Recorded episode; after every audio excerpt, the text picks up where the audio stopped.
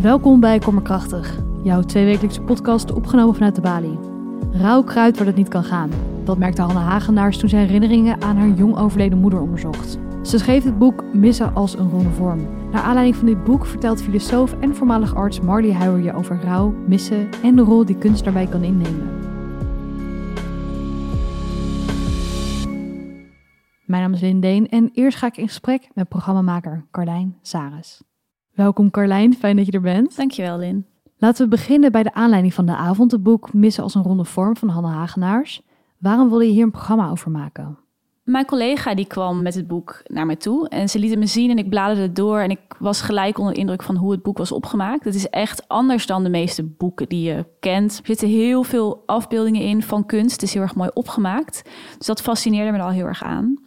En tegelijkertijd, per verdrietig toeval, waren er net in die periode een aantal mensen die dichtbij mij stonden, die iemand verloren die hen heel erg dierbaar was.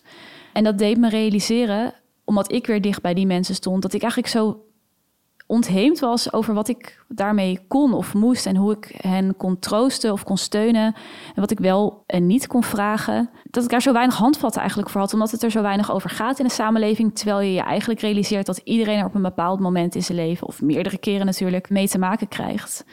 En Hanne heeft daar een hele mooie vorm voor gevonden in haar boek om het daarover te hebben. Dus ik dacht dat is een mooie aanleiding, ook in het kader van de kerstdagen, waarin het wat meer gaat over bezinning en herinnering en herdenken, om daar een programma over te maken. Je vertelde net al dat in het boek veel kunst voorkomt. Waarom vond Hagenaar zo belangrijk om met kunstenaars te werken? Nou ja, Hanne Hagenaars is zelf op jonge leeftijd haar moeder verloren. Toen ze ongeveer 60 was, vond ze een manier om daarmee om te gaan, met een plek te geven. En voor haar was dat kunst. En dat was niet helemaal toevallig, want kunst is ook haar werk. Ze verweeft altijd kunst met grote levensvragen. En hierin ontdekte ze, hé, hey, dat geldt eigenlijk ook voor verliezen of missen. En toen is ze om zich heen gaan kijken naar hoeveel kunstenaars eigenlijk bewust of onbewust dat thema in hun kunst verwerken. Kunst gebruiken om het een plek te geven. Maar dus niet alleen het kijken naar kunst of het creëren van iets moois, maar ook het bezig zijn met het maken van kunst kan al een manier zijn om gemis of rouw een plek te geven.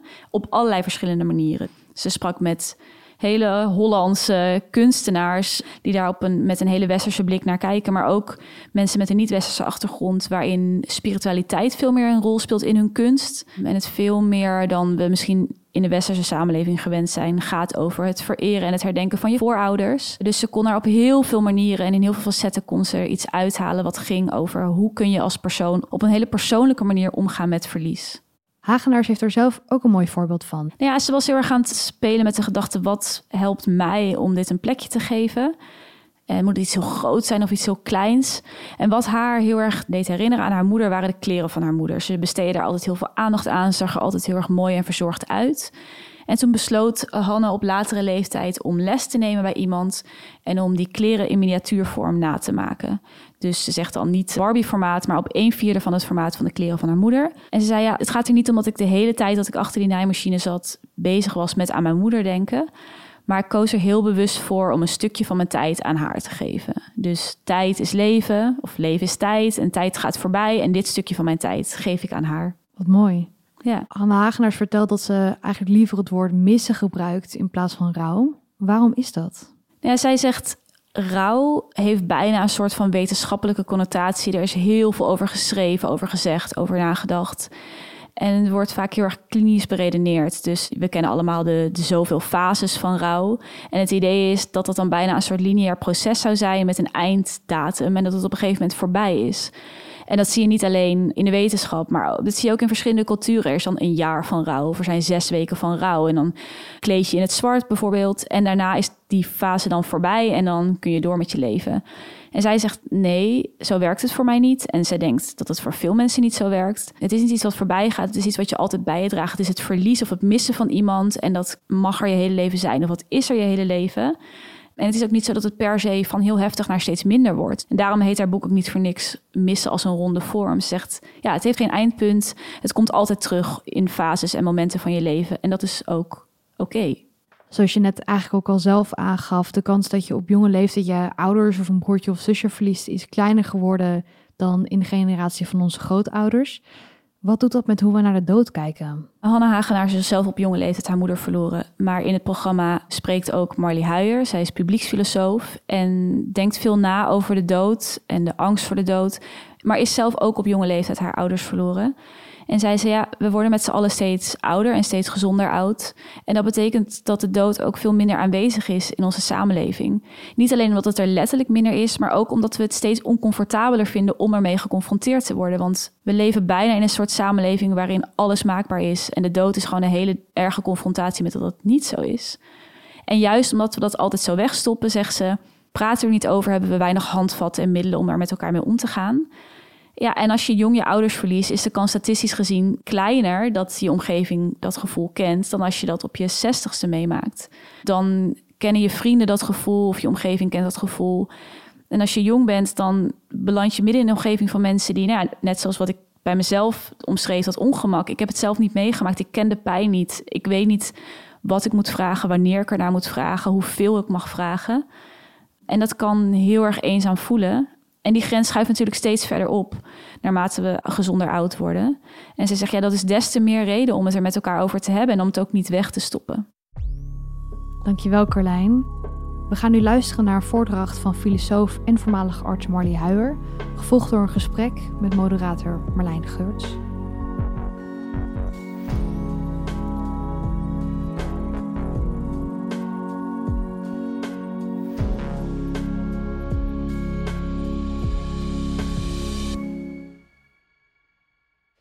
Rouwen is voor mij een verlangen naar iets wat voorbij is. Zoals weer even in de keuken van mijn oma zitten. Die in haar roze peignoir een cake, ze noemt het een pie, uit de oven haalt. Er hangt een zoete baklucht, vermengd met de geur van de oude hond die onder tafel ligt. De herinnering maakt weemoedig, omdat zowel de hond als mijn oma er niet meer zijn. Soms zou ik mensen die nu wel bestaan, maar toen niet, willen meenemen naar de keuken van mijn oma. Als ze dan die speciale geur ruiken, begrijpen ze vast wat ik met dat verlangen bedoel. Maar nu dat niet kan, krijg ik het niet goed uitgelegd. Rouw ik om mijn oma of om de keuken en de, de geuren die daar hingen? Of is het veel groter? Is het rouw om de tijd die voorbij is? En is het misschien een verlangen om door de tijd terug te reizen? Weer opnieuw in die keuken zitten en daarna met mijn oma door de maisvelden struinen.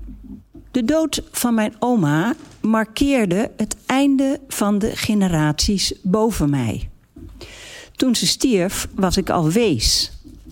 Ik kon helemaal niet wennen aan dat woord. Dat woord wees, dat lijkt, lijkt op wezen. Maar juist dat wees zijn maakte me tot een wezen dat me vreemd was. Ik veranderde in iemand waar leeftijdsgenoten, toen alle dertigers, liever wat afstand van hielden. Zoveel verdriet, dat zat de lol maar in de weg. Dat woord wees lijkt ook op geweest. Hoe lang je ook kind bent geweest, met het wees zijn houdt dat onverbiddelijk op. Dat woord wees zijn betekent eigenlijk geweest zijn. Nu ik twee keer zo oud ben als toen, zou je verwachten dat het verlangen om kind of kleinkind te zijn is weggesleten. Toch is dat niet helemaal waar. Bij gelegenheid, en natuurlijk vooral bij speciale gelegenheden, komt het verlangen weer op. En daarmee de rouw om de verloren tijd. Op dat soort momenten komen er herinneringen aan mijn oma naar boven. Alleen maar fijne herinneringen. Wat niet zo gek is, want mijn oma woonde op een ander continent, duizenden kilometers ver. Dus als oma kon ze niet veel fout doen. Terwijl het verlangen naar haar juist door die afstand werd aangewakkerd. Elke keer als ze in Nederland was geweest, dacht ik: wanneer zou ik haar weer zien? Hanne Hagenaars schrijft in haar boek Missen als een ronde vorm over de leegte en het intense verlangen naar een omhelzing van haar moeder, die al heel lang niet meer leeft. Hagenaars trekt de sporen van haar moeder na, spreekt met andere kunstenaars over rouw en gemis en creëert zo nieuwe onthoudhaakjes, zoals zij ze noemt. Toch verwacht ze dat het verdriet blijft bestaan. Hoewel het kan zijn dat het meer het verdriet om de moeder is dan om haar eigen moeder. Dat laatste herken ik. Aan haakjes die aan mijn moeder herinneren, heb ik geen gebrek. Maar het verlangen naar een omhelzing is even heftig als bij Hagenaars. Komt dat misschien omdat die aanrakingen er niet waren toen ik kind was, toen jij kind was? Is het eenzelfde verlangen als bij mijn oma? Een verlangen naar nabijheid dat als iemand sterft, een verlangen naar een verlangen wordt. Dus ik mis het verlangen dat ik kan verlangen naar mijn oma. En dat komt omdat ze er niet meer zijn. Als dat zo is, is rouwen niet alleen een verlangen naar iets wat voorbij is, maar ook een verlangen naar wat je als kind hebt gemist. En waarvan je zeker weet dat je het nu nooit meer kunt krijgen. Soms wordt zo'n gemist op het laatste moment toch nog goed gemaakt. Zo kwam mijn oma enkele maanden voordat ze overleed naar Nederland. De avond voor ze terugging sprak ze aan mijn keukentafel in alle openheid over haar sterven, over haar leven en het afscheid dat we van elkaar moesten nemen. De intimiteit van dat moment overbrugde alle afstand die er eerder was geweest. Bij mijn moeder, die dus eerder stierf, gebeurde het omgekeerde. Na de diagnose dat ze ongeneeslijk ziek was, ging ze op slot. De dood was onbespreekbaar. En ook ons verdriet om haar mocht er niet zijn. De afstand die dat gaf, wakkerde het vuur van het verlangen aan. Het verlangen naar de moeder. Anders gezegd, het verlangen naar de intimiteit die er nooit was geweest. Sindsdien denk ik dat de mens moet leren om goed te sterven. Niet voor jezelf, maar voor degene die je achterlaat. Heb de moed om de werkelijkheid van het sterven, van je levenseinde, onder ogen te zien. En er zonder terughoudendheid over te praten. Laat naasten juist in die laatste fase toe in je hart. En neem de tijd om afscheid van hen te nemen. Missen hoeft niet stekelig of vierkant te zijn. Een enkel gesprek aan een keukentafel kan al genoeg zijn om het een ronde vorm te geven. Dank u wel.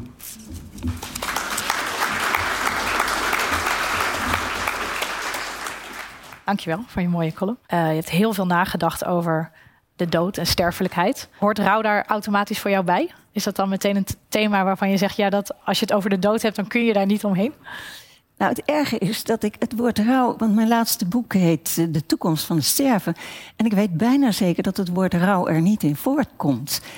En ik ben dus wel heel veel bezig geweest van, ja, niet zozeer met de dood, als wel hoe ziet dat proces voor de dood eruit? Ja. En, en ja, waarom willen we dat, dat sterven en het spreken erover zo graag uit de weg gaan? Maar het rouwen komt er niet in voor. En ik vond het wel confronterend, heel eerlijk gezegd, toen jullie mij vroegen. Omdat ik dacht, ja, als dertiger, en mijn vader was, ging al dood toen ik in de twintig was, mhm. denk ik dat ik. Het was zo. Ja, je bent jong en je viert feest en iedereen dat, doet dat. En dan is rouwen, past, past eigenlijk niet zo. En ja, het is ook iets waarvan mensen toch al snel denken van... als je een maand verder bent of een jaar... dan moet het toch wel ongeveer afgelopen zijn. Zeg maar, als je goed zou rouwen, dan zou ik nu zeggen...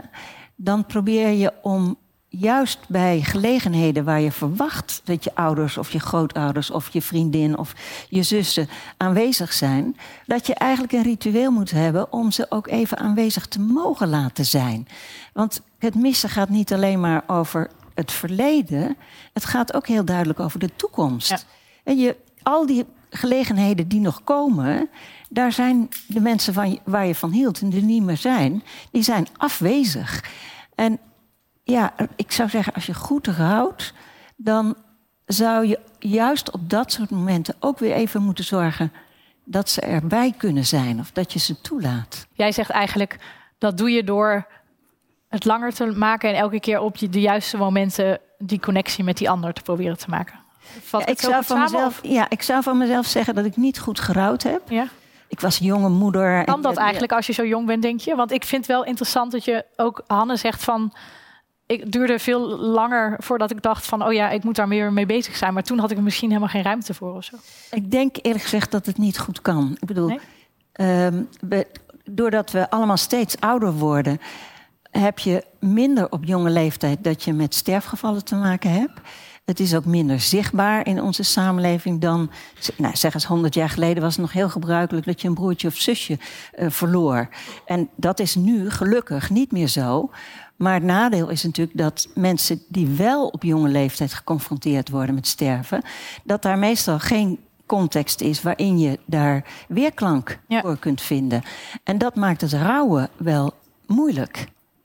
En dat heb ik zelf dat kun je Niet, dat is te klein als, je, als dat uh, alleenig is of te klein is, dan is dat moeilijker? Dus je hebt eigenlijk andere, meer mensen nodig om dat rouwen goed te kunnen doen. Ja, ik denk dat je weerklank nodig hebt. Dus dat je als, je, als ik dat aan jou zou vertellen en ik ben dertig, dat jij ook zou vertellen van nou, een ik-zus. En Dus dat je iets van herkenning bij elkaar.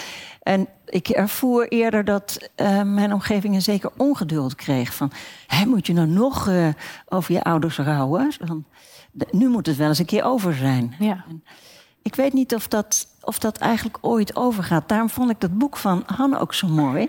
Juist dat iemand van in de zestig um, laat zien van ja, maar er zijn dus 40 jaar zonder die moeder geweest.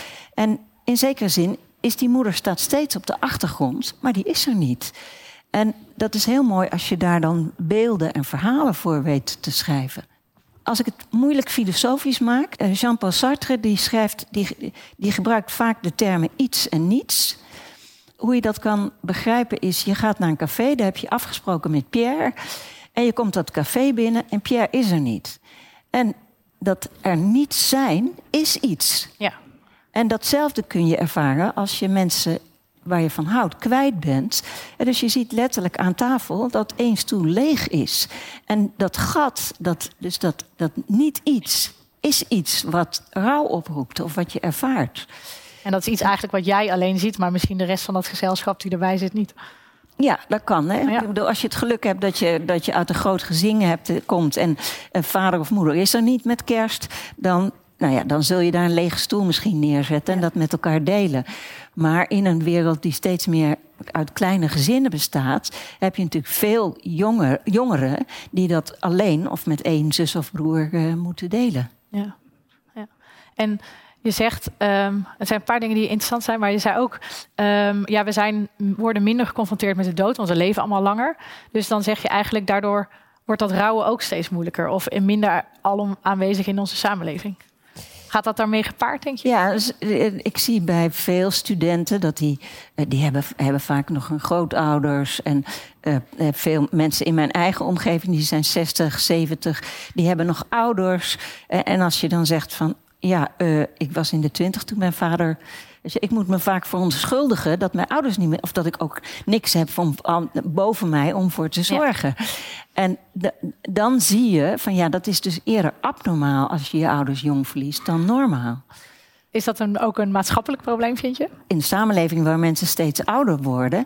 En er ook een soort belofte is van dat we allemaal nog veel ouder kunnen mhm. worden. Misschien zelfs wel onsterfelijk kunnen worden daarin is relatief weinig waardering voor de oudere mens en voor het lijden. Want dat is toch een beeld van perfectie. We gaan allemaal heel lang en heel gezond uh, oud worden. En uh, sterker nog, ik noem dat in mijn boek uh, over het sterven, noem ik dat rechthoekig leven. Dus je wordt geboren op een bepaald gezondheidsniveau. En dan gaat het één keer rechtdoor tot je honderdste. En dan patchboom over je. En dat is ja, een soort ideaal van rechthoekig leven. Wat met name veel oude mensen heel aantrekkelijk vinden. Niks, geen klachten en geen lijden en geen pijn. Maar ja, bijna als een Barbie eh, op je honderdste uh, overlijden. En daartegenover staat dat de werkelijkheid er eerder een is van geleidelijk aan wegsterven, zoals muziek wegsterft. Ehm, waarbij je ziet dat mensen, nou, zeker vanaf mijn leeftijd, geleidelijk aan steeds meer chronische aandoeningen krijgen. Wat ook gaat stapelen. Uh, je wordt vanaf je zeventigste word je steeds kwetsbaarder voor artrose, voor gehoorstoornissen, voor kanker. Nou ja, dementie, noem maar op.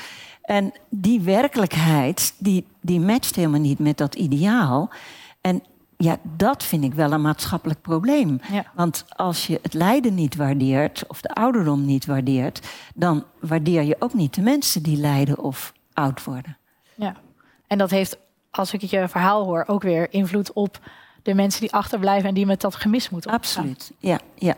Want als je dan uh, wil vertellen wat het ziekbed van je ouder was, hoe dat eruit ziet, um, hoe mager iemand was of hoeveel pijn die had, of dat hij misschien vreselijk in de war was, dan uh, kan het zijn dat dat, dat dat een enorme afweer geeft. En ja, een afweer van de ander betekent dat je dus geen weerklank hebt en dat je je waarschijnlijk onbegrepen voelt. Ja, het langzaam afscheid nemen, dat helpt misschien ook voor de mensen dat dat in stapjes gebeurt. Of dat dat misschien uh, een proces is. Ja, ik heb uh, van uh, Bert Keizer, die zo'n duizend uh, sterfbedden heeft gezien, geleerd om, om, of tenminste, die, die zegt gewoon: geef mij maar kanker om aan dood te gaan. En liever dan een hartaanval of een beroerte of wat dan ook. Omdat kanker het grote voordeel heeft dat je inderdaad ja, je gaat geleidelijk aan dood. Dus je hebt de tijd om afscheid te nemen. En ik ben het hem, helemaal met hem eens uh, dat het belangrijk is om afscheid te kunnen nemen. Um, om met je nabestaanden of toekomstige nabestaanden te kunnen terugkijken op je leven. Misschien nog een fotoboek door te nemen, verhalen te vertellen. Um, maar ook om um, ja, dingen die zeg maar, waar je van denkt van ik wil dat nog even, wil dat toch nog even gezegd hebben. Om nog even te zeggen van ja, maar ik hou echt heel erg van je. En wat stom dat ik toen zus of zo deed. Um, en ik denk dat het ook door daar de tijd voor te nemen, dat je ook de ruimte geeft aan je, degene die er om je heen staan, om betrokken te zijn bij hoe dat sterven eruit ziet. Dus dat je ook. Um, kijk, ik zou bijvoorbeeld zelf zou ik, uh, het liefste uh, stoppen via stoppen met eten en drinken. Mm -hmm. Nou, dan duurt het sterven, nou, zeker bij mijn uh, gestalte, ik denk hooguit twee weken. Uh, en ik zou denken, dat zou ik op een hele mooie, prettige, rituele manier willen vormgeven. Maar het betekent wel dat mijn kinderen het daarmee eens moeten zijn. Dus dat ik het gesprek met hun daarover um, moet voeren. En um, dat je ook moet weten of je huisarts dat ondersteunt. En ja, dat je, je moet het dus in zekere zin ook ritualiseren. Als je kijkt naar in hoe Nederland, hoe de Nederlandse samenleving ingericht is en hoe we met elkaar afscheid nemen, um, zijn er dan eigenlijk nog goede rituelen? Want voor een heel groot deel is dat natuurlijk ook gebaseerd op hoe we dat vroeger met de kerk deden en hoe, de, hoe je opgevoed was. Dat neemt nu een beetje af. Blijven er dan genoeg rituelen over om dat op een goede manier te doen? Het voordeel van corona is dat je ziet dat nu heel veel mensen met sterven bezig zijn. Dat er ook heel veel kunstenaars uh, kunstwerken maken. Dat er films, uh, Pink Moon, uh, Supernova, nou ja, van allerlei films over sterven gemaakt worden. dat er veel verhalen verteld worden. En ook dat er nieuwe rituelen worden bedacht. Hè. Zoiets als de bedside singers hier in Amsterdam. waar, je, waar je dus een, de, de, meestal zijn het vrouwen kunt uitnodigen. En die komen dan naast het uh, sterfbed staan om te zingen. Dat, dat zijn allemaal nieuwe rituelen. En er was een tijdje geleden een documentaire, uh, 13 dagen heet die, over Floor Haak. Die in 13 dagen doodgaat omdat hij stopt met eten en drinken. En daar zie je allerlei rituelen. Dus samen zongen ze Halleluja van uh, Cohen. Uh, een kleindochter die langskomt en bij hem op bed ligt en, en nou ja, vertelt hoe erg ze het vindt. Een bed wat zich geleidelijk aan helemaal vult met foto's, waardoor je een soort levensverhaal. Ja, dat zijn allemaal rituelen die zij natuurlijk soort uitgevonden hebben. Maar ik zie bij veel jonge mensen, die denk ik ook door corona meer getroffen zijn door mhm. sterfgevallen, uh, dat ze ook op zoek zijn naar nieuwe rituelen. En vaak juist omdat de rituelen uit de kerk, ja, ofwel weet je, helemaal niet meer van toepassing zijn. Of ook gewoon uh, ja, net niet creatief genoeg. Of de, dus ik, ik, ik, wat dat betreft ben ik heel blij met allemaal kunstdingen. ja, omdat ik denk, ja, kunstenaars zijn degene die ons ook echt nieuwe rituelen kunnen uh, leren. Interviews waar het ging over de dood, zeg je ja, door daar zoveel mee bezig te zijn, uh, ben ik ook minder persoonlijk minder bang geworden om dood te gaan. Um, ben je ook minder bang geworden om achter te blijven of om degene te zijn uh, om te rouwen of om iemand te gaan missen? Nou, dat is interessant. In de filosofie is niet, er nergens zoveel over geschreven als over de sterfelijkheid. Hè? Van Plato tot Heidegger tot, nou ja, iedereen sterft, Simone Beauvoir, iedereen schrijft over sterfelijkheid. En dan heb je Hannah Arendt, de Duitse Amerikaanse filosoof, die gaat dan over de geboortelijkheid schrijven. Maar niemand schrijft over achterblijven. En sterker nog, iemand als Heidegger die noemt het dan zijn zum Tode.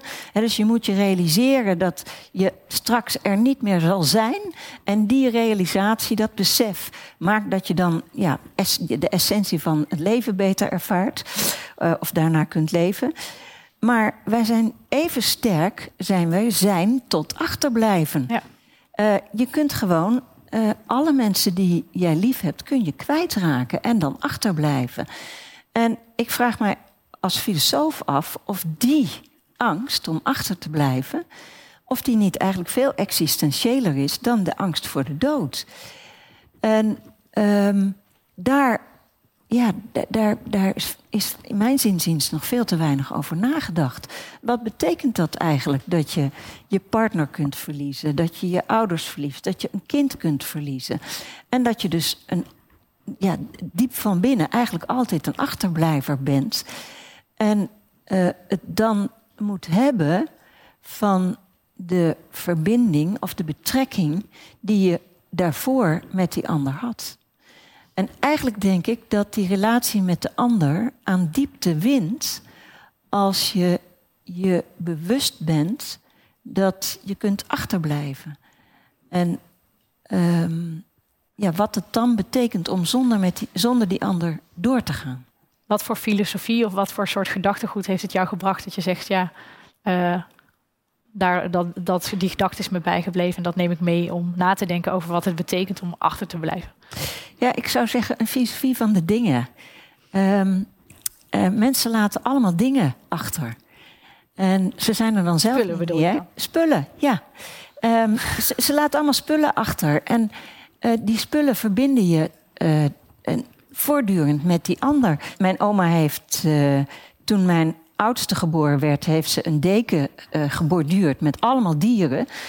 dat had ze dus in Canada gedaan, want daar woonde zij. En dat was dan als een rol, opgerold pakje, werd dat opgestuurd. En wij, wat dit nou voor iets? En er zat dus zo'n prachtige dierendeken in.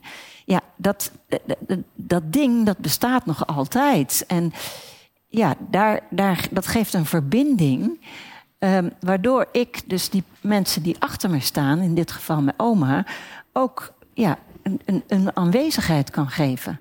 En dat leer ik heel erg uit dat boek. Dat, dat je, ja, je geeft die dingen eigenlijk een, een haast een tweede leven. En daarmee geef je die persoon een tweede leven. Ja, ik wil iedereen heel erg bedanken voor de avond. Uh, dank voor het luisteren en uh, graag tot de volgende keer.